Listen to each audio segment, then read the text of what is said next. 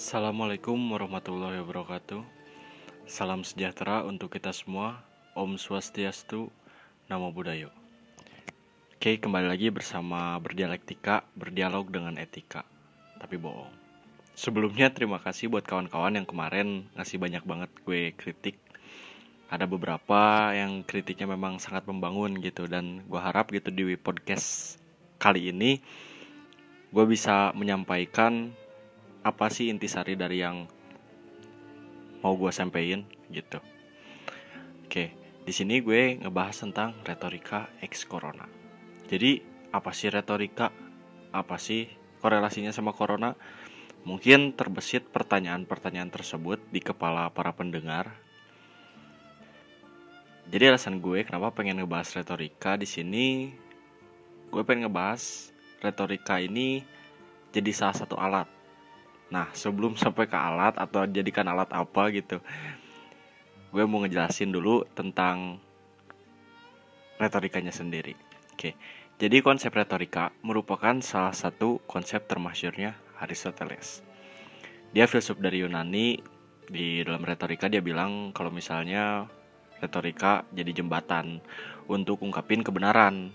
Tapi kebenaran seperti apa? Kebenaran yang dimaksud itu kebenaran yang bersifat normatif atau dalam tanda kurung tidak merugikan orang lain gitu. Menurut gue dalam konsep bapak satu ini terdapat satu kalimat yang menjadi mantra gitu cuy.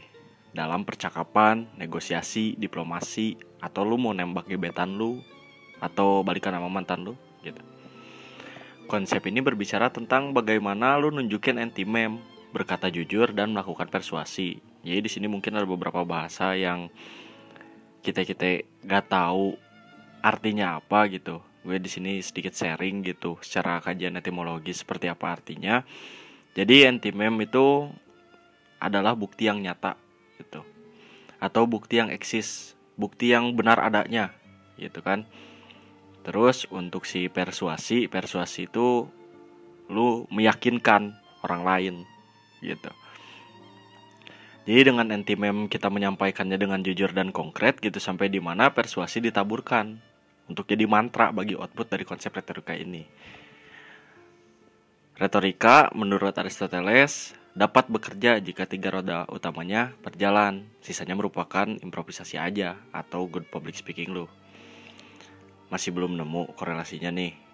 Oke gue jelasin nih. Mungkin kita kupas satu-satu gitu kan jadi retorika ini disalahgunakan cuy kalau menurut gue gitu. Walaupun dari awal si konsep retorika ini ada udah sering disalahgunain gitu.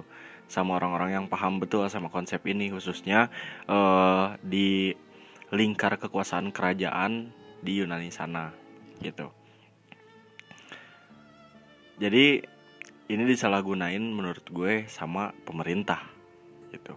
Lah kok jadi pemerintah? Terus hubungannya sama coronanya di mana coronanya ada di pemerintah cuy nggak juga sih nggak gitu maksud gue gini di sini gue mau menelanjangin perspektif para pendengar tentang COVID-19 atau Coronavirus Disease 19 di Indonesia, khususnya terkait kebijakan pemerintah. Isu kebijakan pemerintah ini uh, dianggap menganggap enteng si COVID-19 ini sendiri gitu. Selama ini pemerintah beretorika untuk menyihir kita semua untuk tetap tenang, harap sabar dengan old fashion style ala pemerintah. Meskipun ada tujuan baik sih di balik penyalahgunaan ini, tapi kan tetap aja nggak bisa diterima sepenuhnya. Nah, gue bilang nggak bisa diterima sepenuhnya karena dengan ketidakjujuran justru akan menciptakan masalah baru apa sih masalah baru yang diciptakan sama pemerintah nih kalau misalnya dia nggak jujur Masalah ini sudah mendarah daging di kita dan semakin meningkat, yaitu mosi tidak percaya kepada pemerintah lagi.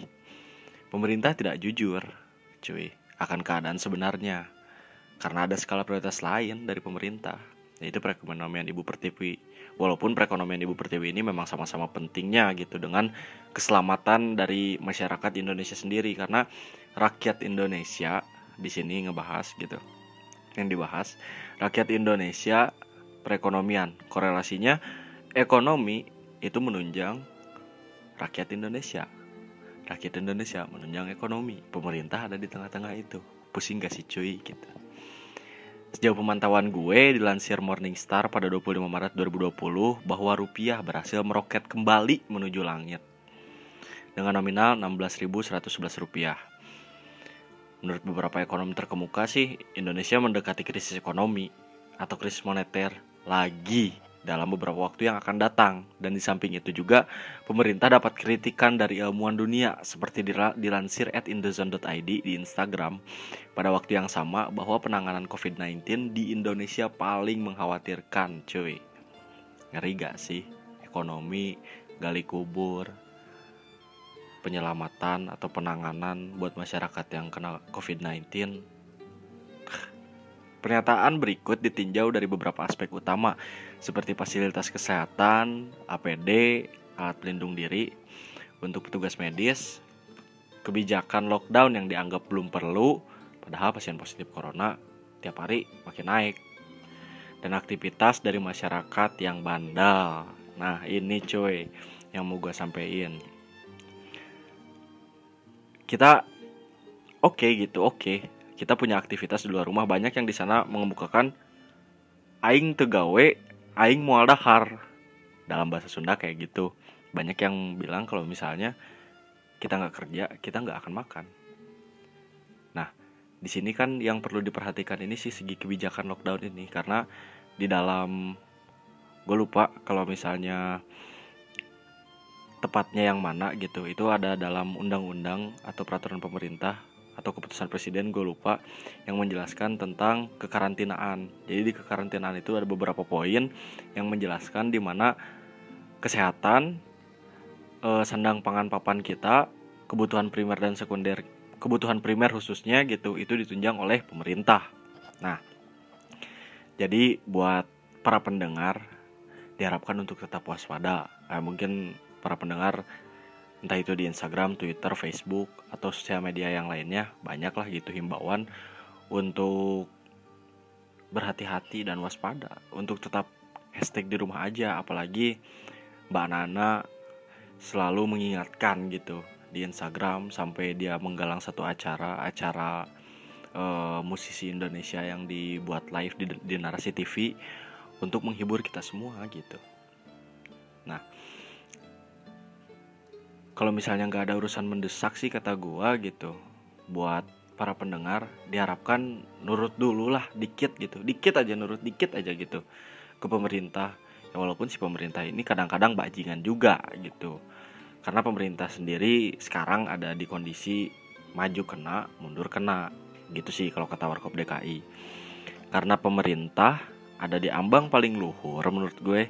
Kalau ngelihat dari situasi ini pemerintah sulit sih menentukan mana yang baik atau mana yang sebaiknya diprioritaskan. Karena kalau lo disuruh pilih antara lockdown tapi e, ekonomi ngegali kubur tadi kata gua atau self quarantine tapi pasien positif semakin rock, ngeroket karena masyarakat antara gak paham dan gak mau paham terhadap kondisi dunia pada hari ini gue di sini pengen nyampein bahwa ada baiknya saat ini kita rehat dulu deh jadi pembangkang.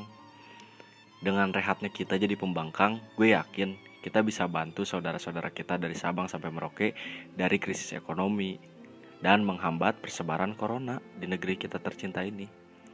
Ini tuh gue sampein beritikat untuk menyelamatkan gitu. Ya walaupun gue bukan hero tapi gue cuman bisa bersuara di dalam podcast gitu. Gue pun sekarang sedang melakukan self quarantine yang gak ke mana-mana udah hampir se seminggu udah seminggu lebih. Dan bosan banget pada sampai gak enak badan karena gue biasanya orang yang gak bisa diem di satu tempat.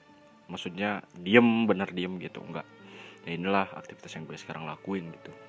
Sini gue pengen lo nyelamatin lingkungan lo, keluarga lo, terus di lo sendiri gitu dari persebaran corona ini. Karena uh, di podcastnya Bapak Deddy Kobuzer gitu gue sempat nonton uh, part 1 kalau nggak salah dia yang lagi podcastan sama salah satu staff dari Kemenkes. Kalau misalnya corona ini ada kemungkinan airborne atau menyebar lewat udara. Cuman belum ada pasien yang teridentifikasi kalau tertularnya itu lewat airborne. Walaupun sekarang yang pasti itu penularannya lewat doptia atau tetesan. Ada masih ada kemungkinan corona ini menjadi airborne. Oke, uh, gue harap kawan-kawan gitu yang mendengar konten ini mendapatkan intisarinya, bukan amernya. Terima kasih untuk konten kali ini. Ikuti podcast gue di Spotify untuk konten edukasi yang sebetulnya nggak ngedukasi-edukasi banget sih ya. Kirim kritik dan saran lo lewat direct message di Instagram gue @saktifr karena kritik dan saran lo sangat membantu perkembangan konten podcast gue. Dan semoga gue bisa sehat terus, rekan-rekan bisa sehat terus, para pendengar bisa sehat terus, agar bisa tetap menjaga persebaran corona ini dan kita pasti menang. Panjang umur kebaikan karena tidak setiap perjuangan itu baik. Namun setiap kebaikan butuh perjuangan. Oke okay guys, see you on top.